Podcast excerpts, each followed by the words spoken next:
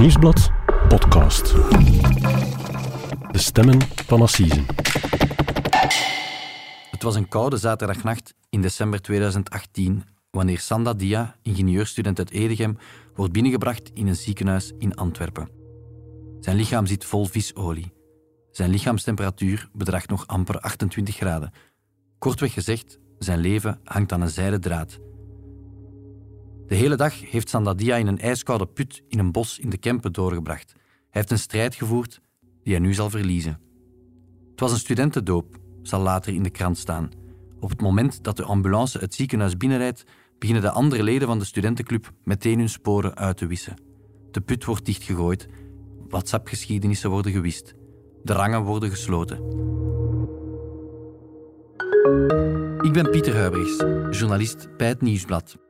En al meer dan drie jaar laat de dood van Sanda Dia me niet los. In 2020 achterhaalde ik hoe de student echt aan zijn einde kwam en ik schreef er een boek over, waarin ik een reconstructie maakte van de fatale doop. Dit is een podcast over Sanda Dia, een special van de Stemmen van Assise, in samenwerking met Storytel, het platform voor duizenden luisterboeken. In deze podcast ga ik samen met familie, vrienden en ook leden van Reuzegom die voor het eerst de omerta doorbreken, op zoek naar wat er die nacht echt gebeurde.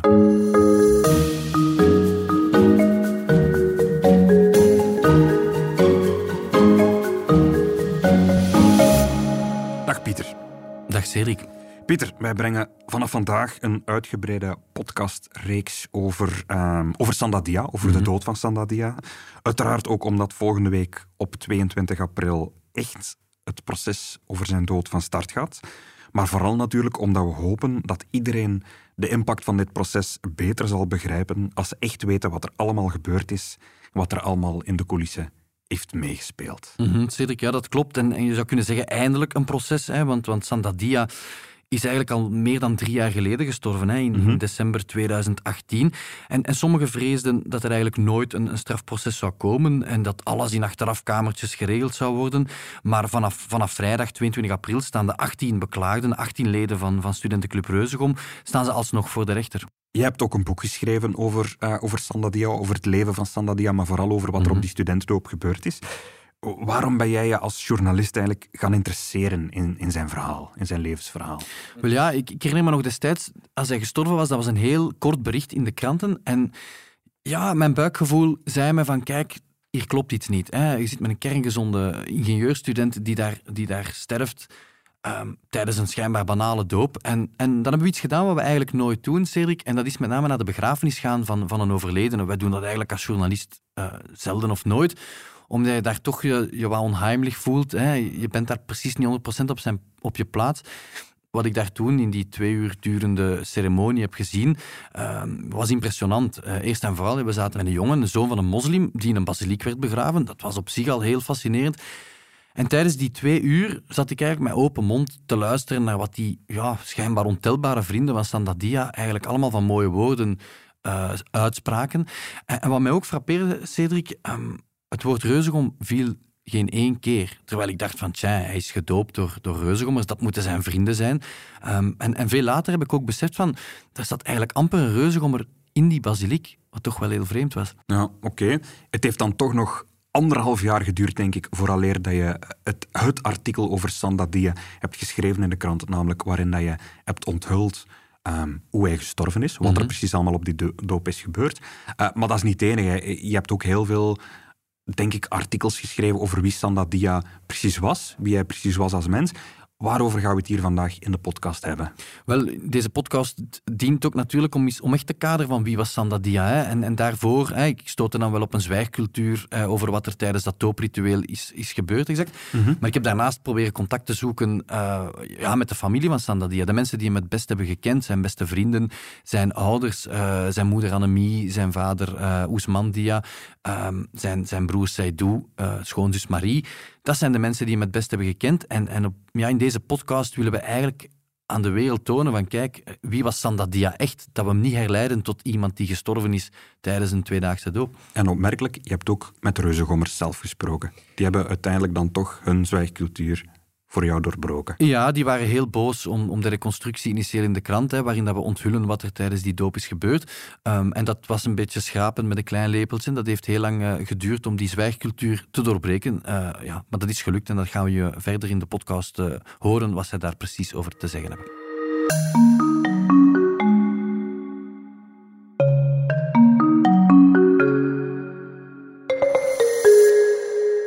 Je suis très fier de Sanda. Il a donné beaucoup d'exemples à, beaucoup de gosses de sa génération et je sais qu'il a amené beaucoup pour ses gosses aussi et que ses gosses ont été touchés par ça et que ça aura un impact dans leur vie.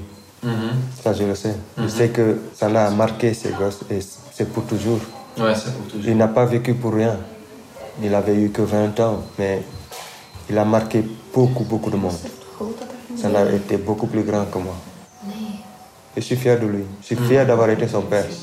We horen hier Ousman uh, Dia, de, de, vader van Sanda. De meeste mensen in zijn entourage noemen hem papis. Hè. Ik heb hem verschillende keren ontmoet.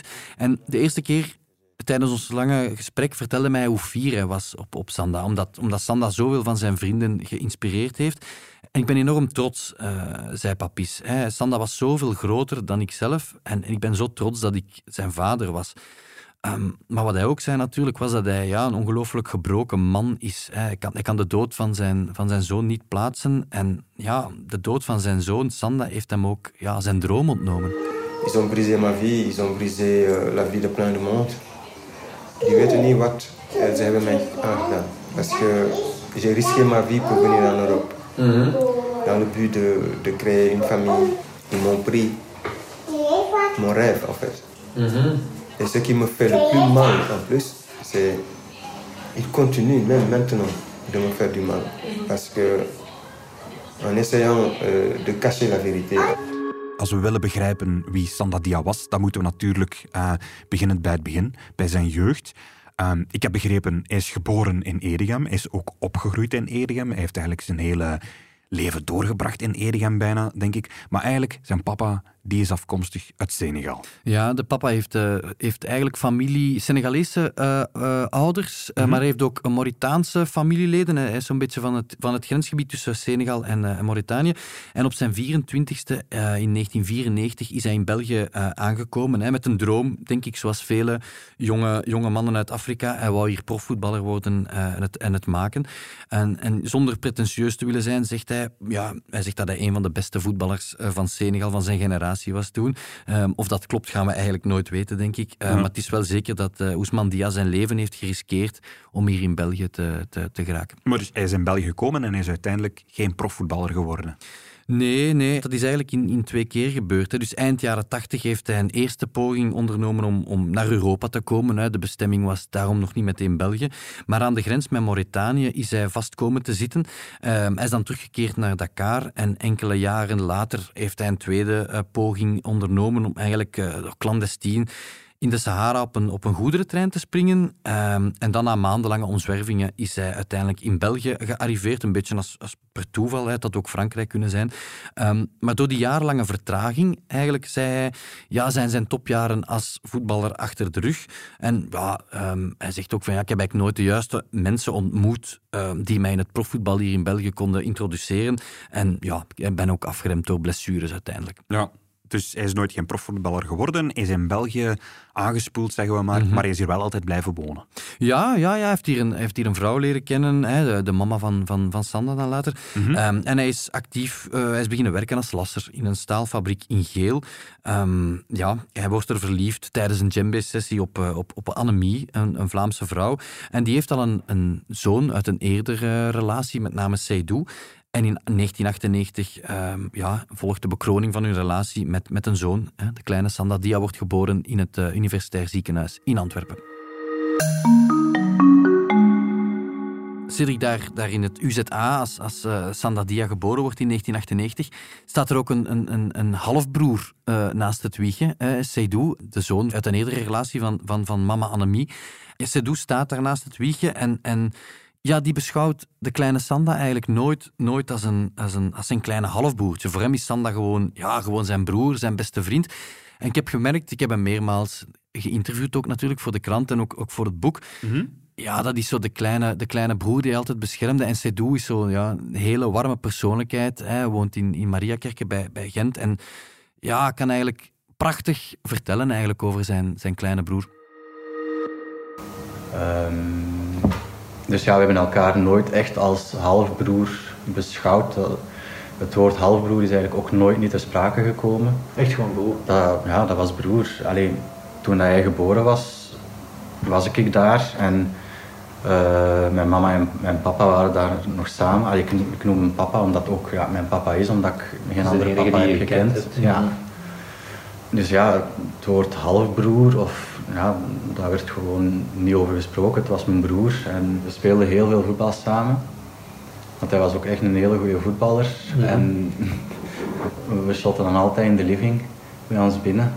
En dat mocht dan niet van onze ouders, maar uiteindelijk deden we dat toch altijd. Tot als echt op een gegeven moment, zelfs als je in de kelder stond, de vloer helemaal was doorgezakt. dat je zo'n curve zag. Maar ja, wij deden dat gewoon als stof. Ja. Want ik weet nog dat, dat papa mij al langs had gezegd dat Sandra wel allee, enorm opkeek naar mij. En ik had dat gevoel ook wel. Maar eigenlijk is ja, omgekeerd. Hè. Ik keek op naar hem. Dus Sanda had het talent van zijn vader geërfd dan als voetballer. Ja, absoluut. En het was al snel duidelijk dat ja, Seydou had veel talent, papa, um, ja, Papis had veel talent, maar Sanda had nog veel meer uh, talent. En, en dat werd eigenlijk heel snel opgemerkt. Um, ze vertelden over een toernooi ergens in Antwerpen, waarna eigenlijk de grote clubs uit de streek um, ja, kwamen hengelen om hem binnen te halen hè, als aanvallende, middel, uh, aanvallende middenvelder. En wie waren die clubs dan? Goh, dat waren Contig. Hij kon naar, naar Antwerpen gaan. Uh, maar plots was Lierse daar. Hè, destijds uh, grote club. En mm -hmm. ja, het werd Lierse. Voilà. Okay. Um, ja, hij heeft een paar jaar bij Lierse gespeeld. Ik denk drie seizoenen in totaal. En, en zijn, zijn mama Annemie die vertelde mij van... Kijk, ja, op een gegeven moment is daar iets gebeurd. Uh, de veer is gebroken. En dat heeft eigenlijk ja, in, de, in de jaren nadien geleid tot een soort breuk van zijn grote voetbal droom zo. En wat er eigenlijk precies gebeurd is, dat weten zijn vader en zijn broer ook niet. Maar er is daar sprake van, van ja, discriminatie, van zich niet goed voelen in de kleedkamer. Il se sentait pas bien parce qu'il était discriminé. Ouais, il se sentait pas plus bien dans le groupe. Et il voulait arrêter. Dus ja, hij voelde zich op een of andere manier niet goed. Er is daar, er is daar iets gebeurd, iets, iets sluimerends. En ja, papa Papis, die was gek van voetballen. Die heeft natuurlijk Sanda gestimuleerd om, om te blijven voetballen. Hè. Mm -hmm. die moest, ja, het is een beetje Sanda die de droom van zijn papa moest, moest, moest waarmaken. waarmaken. Hij heeft dan nog de overstap gemaakt, Sanda, naar, naar Racing Mechelen. Maar, maar ja, Papis vertelde mij dat hij eigenlijk zijn enthousiasme voor het spelletje kwijt was. Um, hij was niet meer die aanvallende middenvelder die op een toernooi arriveerde en, en kost wat kost. Uh, iedereen wou dribbelen en scoren ja, er is een soort breuklijn dan. En Sandadia ja, wil, op dan, wil vanaf dan eigenlijk alleen nog op amateurniveau uh, spelen. En hij sluit zich aan bij Olvé. Uh, dat is de voetbalclub van het college uh, waar hij zes jaar uh, school loopt. Um, ja, later wordt dat dan de, de grote rivaal Ikdien, ook op amateurniveau. En, en Sandadia en zijn vader Papis weten het eigenlijk dan nog niet. Maar, maar het is ook de voetbal die uiteindelijk een definitieve richting zal geven aan zijn leven.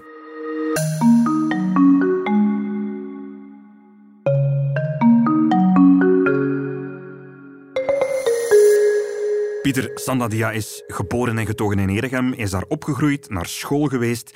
Um, maar wat voor jongen was hij eigenlijk als, als, als, als kleine Sandadia? Hoe, hoe, hoe, hoe zag zijn jeugd eruit? Mm -hmm. Ja, Sanda was Mr. Popular op school. Hè. Um, simpel, hij lag heel goed bij de meisjes. Uh, en niet onbelangrijk, zo gaat dat nu eenmaal op de lagere school. Wie goed kan voetballen, is natuurlijk koning op de speelplaats. En ja, Sandadia was de beste voetballer uh, van zijn klas. En, en daarnaast ja, was ook uh, intelligent. Hij deed het goed op school. ging met de vingers in de neus van jaar naar jaar. Mm -hmm. En ja, ik zeg het hij, had het, hij had het talent om in elke groep waar hij arriveerde uh, vriendengroepen te maken. Een soort, een soort chameleon die zich eigenlijk kon aanpassen aan, aan de, de vriendengroep waar hij in terecht kwam. Mooi. Um, ja, als we dan ja, als, ik, als we willen weten van, ja, hoe zijn jeugd concreet was in Edegem, ja, dan moet je natuurlijk uh, zijn beste vrienden van toen gaan interviewen. En, en zijn beste vriend toen was zonder enige twijfel uh, Verre Vervoort. Uh, speciale kerel. ja, zijn, sinds de kleuterschool zijn aller, allerbeste vriend. En ik heb hem in corona opgezocht. Ik ben met hem een paar uur gaan wandelen aan Fort 5 in Mortsel, waar zij destijds ook gingen rondhangen. En, en ja, we hebben lang gepraat tijdens, tijdens onze wandeling. dat, dat hoorde je hier. Dat wij wisten van, we kennen elkaar al van heel jong. Maar dan vanaf het tweede leerjaar, dan eh, was ik een keer ziek. En dan eh, moest ik mijn HSV krijgen. En dan kwam ze naar brengen. En dan hadden we ineens door van, oh, jij jij woont om de hoek. En dan zei, "Amai, ja.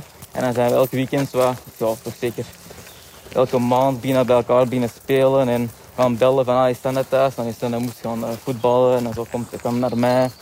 Ja, dan namen wij die mee op familieuitjes en zo van die dingen. Maar Stana was helemaal niet zoals de rest. En ik voelde mij er meer ehm, op mijn gemak. Want als ik bij Frans vrienden was, was het altijd Frans, Frans, Frans. Voelde ik mij wat dom. Bij Standa was dat niet echt. Standa was ja, down to earth vond ik. En ik denk dat we daardoor altijd samen spelen. En ik voelde me direct op mijn gemak. Ik denk ook dat we veel, heel vaak samen waren, is omdat ja, onze vrienden kwamen dan zo van rijkere gezinnen. Ja. Altijd naar Egypte en weet ik veel waar in de wereld op vakantie. En wij zaten gewoon thuis. Ik weet dat, dat wij vaak probeerden bij elkaar te blijven slapen. Maar dat de ouders, of de mama toch van Sanda, blijven slapen meer als een noodgeval zag dan Ah, ja. een luxe voor bij elkaar te slapen. Dus bijvoorbeeld als de ouders weg moesten. Dus daarom, Sanda vroeg vaak om te blijven slapen bij mij. Dat mocht dat meestal niet. En dan aan thuis, dat Sanda, belt jij naar de mama en zegt, vraagt jij dan dat jij kunt blijven slapen. Omdat hem, had het idee dat de mama tegen mij moeilijker nee kon zeggen. En dat hielp op een manier toch wel. Dus dan zijn wij wat meer bij, ben ik vaker bij blijven slapen. En behalve voetballen, ehm, wat waren zo nog de hobby's waar, waar Sandadia mee bezig was? Eh, ja, Cedric, eh, gamen. Hè. Het waren onwaarschijnlijke gamers. Als ik, het, als ik het goed gehoord heb, deden ze buiten voetballen, naar school gaan, niets anders dan gamen, gamen, gamen. Hè. Ze kwamen thuis, eh, ze gingen op bepaalde chatfora, zo Messenger en dergelijke, of Discord, met elkaar in dialoog en, en speelden World of, World of Warcraft liever. Ehm, ja, ik heb anekdotes gehoord eigenlijk, dat, de, dat de twee samen bij Sandat Dia thuis aan het gamen waren. En dat Sandat dan plots naar de voetbaltraining moest. En, en hij kwam dan uren later thuis van de voetbaltraining. En, en Ferre zat nog altijd in zijn kamer gewoon verder te gamen. Ja. En ze gingen gewoon verder samen de nacht in, al gamend. En hoe moet ik me dat voorstellen? Dat waren twee ehm, game nerds die in een jogging de hele dag voor de televisie zaten te gamen. eh. Ja, ja, dat wel, maar er gebeurde iets fascinerend. Als ze de deur uitgingen, als ze dan toch overdag eens naar buiten gingen, dan, dan ging die joggingbroek uit en dan droegen ze plots eh, skinny jeans. En, en ik, ik, ik vroeg, Ferren heeft me dat uitgelegd van... Ja, eh, ze hadden een tijdelijke fascinatie opgedaan voor iets dat uit de, Amerika, uit eh, de Verenigde Staten liever kwam overgewaaid. Jerken. Eh, zegt u dat iets, Cedric? Ik vrees dat dat aan mij is voorbij gegaan. Wel, ik moet zeggen, ik kende het ook totaal niet. maar Ferren heeft me dat uitgelegd en hij zei, ja, dat is een soort van uh, poppy hip-hop, eh, soort, ja... eh, ja, dat komt uit de, uit de States overgewaaid. Een beetje aritmische eh, muziek. En, en vooral die, die typische kledingstijl fascineerden die twee. En Plots zag je die, die, die door Edegem lopen met een skinny jeans die dan nog eens heel laag gedragen moest worden. Hè, Dat je zeker de onderbroeken goed zag. En ze droegen felgekleurde nauwe kleren en daar, daar, droeg, eh, daar hoorde een rugzak bij en een muts. En, en zo liepen die twee door Edegem en dan later ook door, door Antwerpen. En ja, zo vielen ze natuurlijk wel op. Hè. Ik ben ook gestart ehm, met jerken. Dat is een bepaalde eh, dansstijl vroeger, gestart in Amerika. Daar had altijd veel kleuren aan. Een van de grote dingen ervan was dat je broek laag droeg. Op bekend onder mijn gat eigenlijk. En Sanna begon ook nog een tijd mee te doen. En ik weet nog dat ik me verontschuldigd aan zijn oude. Want die kreeg er ook altijd commentaar op. Dat was zo, Ah, zo strak mogelijk van onder. Dan had je zo, ja, omdat je dat laag droeg, was dat zo baggy. Dan had bijvoorbeeld een blauwe onderbroek aan of zo. En dan ook vaak altijd zo de rugzak die heel strak was. Dat eigenlijk maar tot hier kwam. Aha. Altijd een eh Eastpak. Dat was toen swag. Ja, en dan hadden we ons eigen, ons eigen clubje. De Stars, denk ik. En dan gingen we naar de stad en dan gingen we ook in het kastkast soms dansen. En, dan En hoe oud waren jullie toen? 13, 13, 14 denk ik. Pieter, de roots van de vader van Sandadia, die liggen in Senegal. Hij is opgegroeid in Edegem, maar is hij ooit in Senegal geweest? Was hij bezig eigenlijk met zijn Afrikaanse afkomst? Goh, hij was ergens wel trots op die Afrikaanse afkomst, maar, maar het is niet zo dat dat eigenlijk zijn dagdagelijkse eh, leven beheerste. Ehm, ze zijn wel samen naar Senegal gegaan, hè, want de papa, Papis, was uiteraard heel trots dat hij zijn zonen eh, terug naar zijn geboorteland kon meenemen. En, en ik heb daar foto's van gezien en filmpjes, en dat was in 2009. Zijn ze, zijn ze samen naar Dakar eh, geweest, een paar weken. Eh, en ja, op, op die beelden zie je de, het enthousiasme van een kind dat voor het eerst het vliegtuig mag nemen. En ja, ze hebben daar zitten vissen, ze hebben daar veel zitten voetballen, ze hebben daar ja, de hele familie bezocht. En, en dat is natuurlijk een reis die, die het leven van, van, van Sanda gemarkeerd heeft. Hè, net als, als latere tripjes. Wat, wat mij ook vertelde bijvoorbeeld, ja, regelmatig waren er dan eetfestijnen uh, ten huize Dia. En, en, en papa Papis die vond dat dan fantastisch om grote Afrikaanse schotels op tafel te zetten. En, en ja, de vrienden van Sanda vonden dat uh, natuurlijk fantastisch. Hè. Ehm, dat, was, dat was iets nieuw voor hen en iedereen had dan uit dezelfde schotel. En dus ja, het is niet zo dat, dat, dat Sanda zich dag in dag uit bewust was van, van, van ik heb Afrikaanse roots of zo. Um, mm. dat, dat speelde eigenlijk geen grote rol in zijn leven, maar ja, ergens was het er natuurlijk nog wel. Wij hadden vaak zo typisch een geleefde pot, gewoon een pot met een rijst en kip en groentjes in en dan gewoon allemaal samen aan die pot. Ik weet nog toen we de eerste keer dat de vrienden van Stenda meekwamen naar Patis, maar dan de dood van Stenda, dat die er allemaal wel van verschoten, maar wel leuk vonden, zo samen. Zo in het middelbaar, was, dat, was hij de enige uh, niet-blanke jongens op school? Ja, zeker lagere school wel. Ja. Uh, OV. Dan liep wel een paar rond, denk ik, die anders kleurig waren. Ja, was dat een issue? Was dat, was dat, of was dat gewoon... Dan maakte dat denk ik geen fluit. Hè. Bijvoorbeeld er is een tijd geweest dat UA ook um, ja, aan de diversiteit op hun affiche postte. En dan weet je dat Senne zei van... Voor wij dat nodig? Het is toch België? Dat is toch normaal dat er blanken zijn? En Senne van... Ik vind dat we, dat we in Afrika zijn en dat er enkel blanken op een affiche worden gezet. Sanne was nooit echt van... Ik word benadeeld. Dat is wel opvallend, Cedric, wat, wat, wat Verre vertelt. Mm -hmm komt er eigenlijk op neer dat, dat voor Sanda die huidskleur totaal geen rol speelde. Dat was geen issue. Hij werd daar eigenlijk amper mee geconfronteerd. Hè. Los van, van, van, van op de voetbal waar er blijkbaar wel een, een incident is geweest. En ja, het leven ging gewoon verder voor Sanda. Hè. Er was die fascinatie voor gamen, er was dat voetballen. Ehm, maar er was nog een heel bizarre derde fascinatie en dat was de Aziatische cultuur. Oké, en niet de Afrikaanse cultuur? Nee, hij was veel meer gefascineerd door, door Japan. Alles wat met Japan te maken had. Die, die speciale strips, uh, anime. Ehm, ja, daar waren ze zot van. Hij ging Japans eten, hij ging Japans en Koreaans studeren.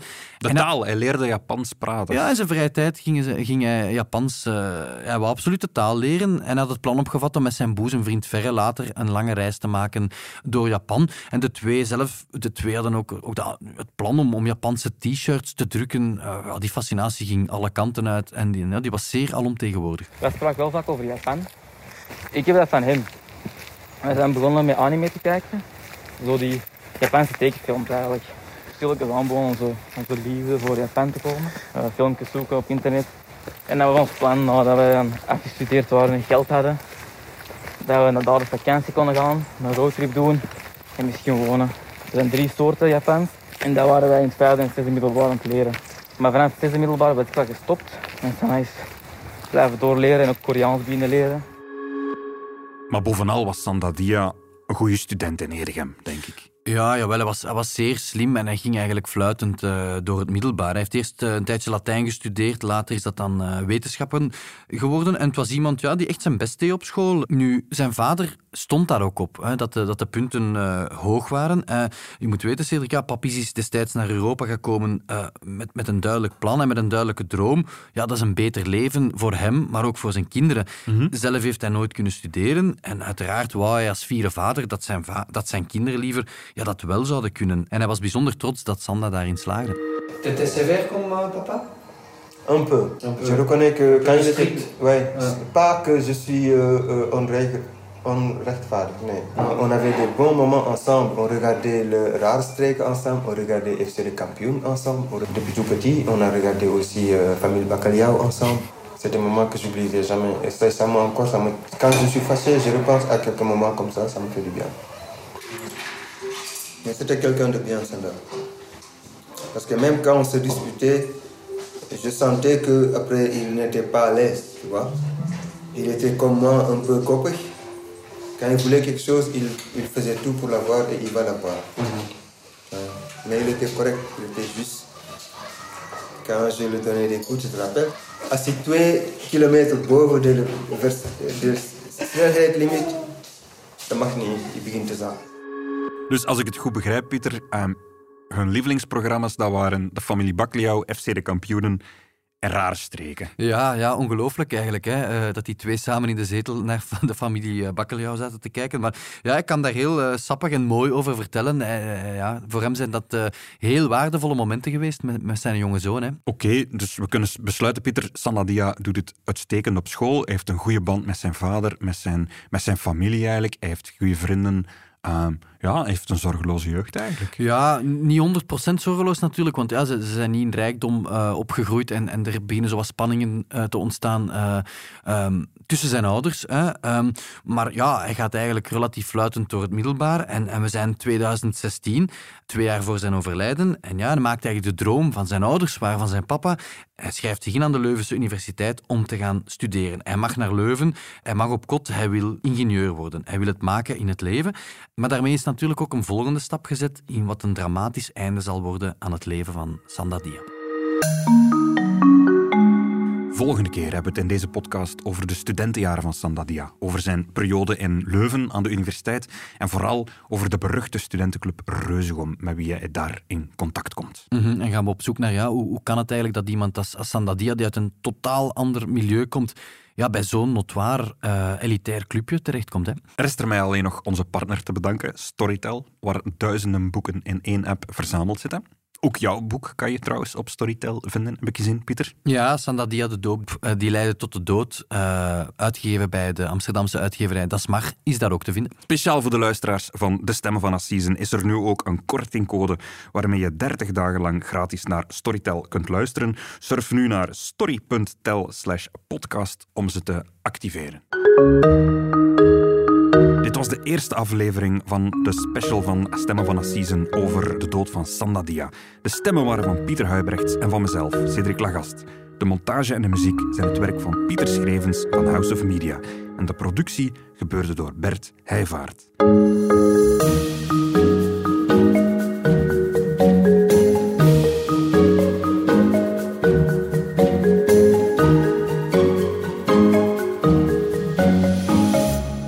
Nog meer podcasts over misdaad en justitie?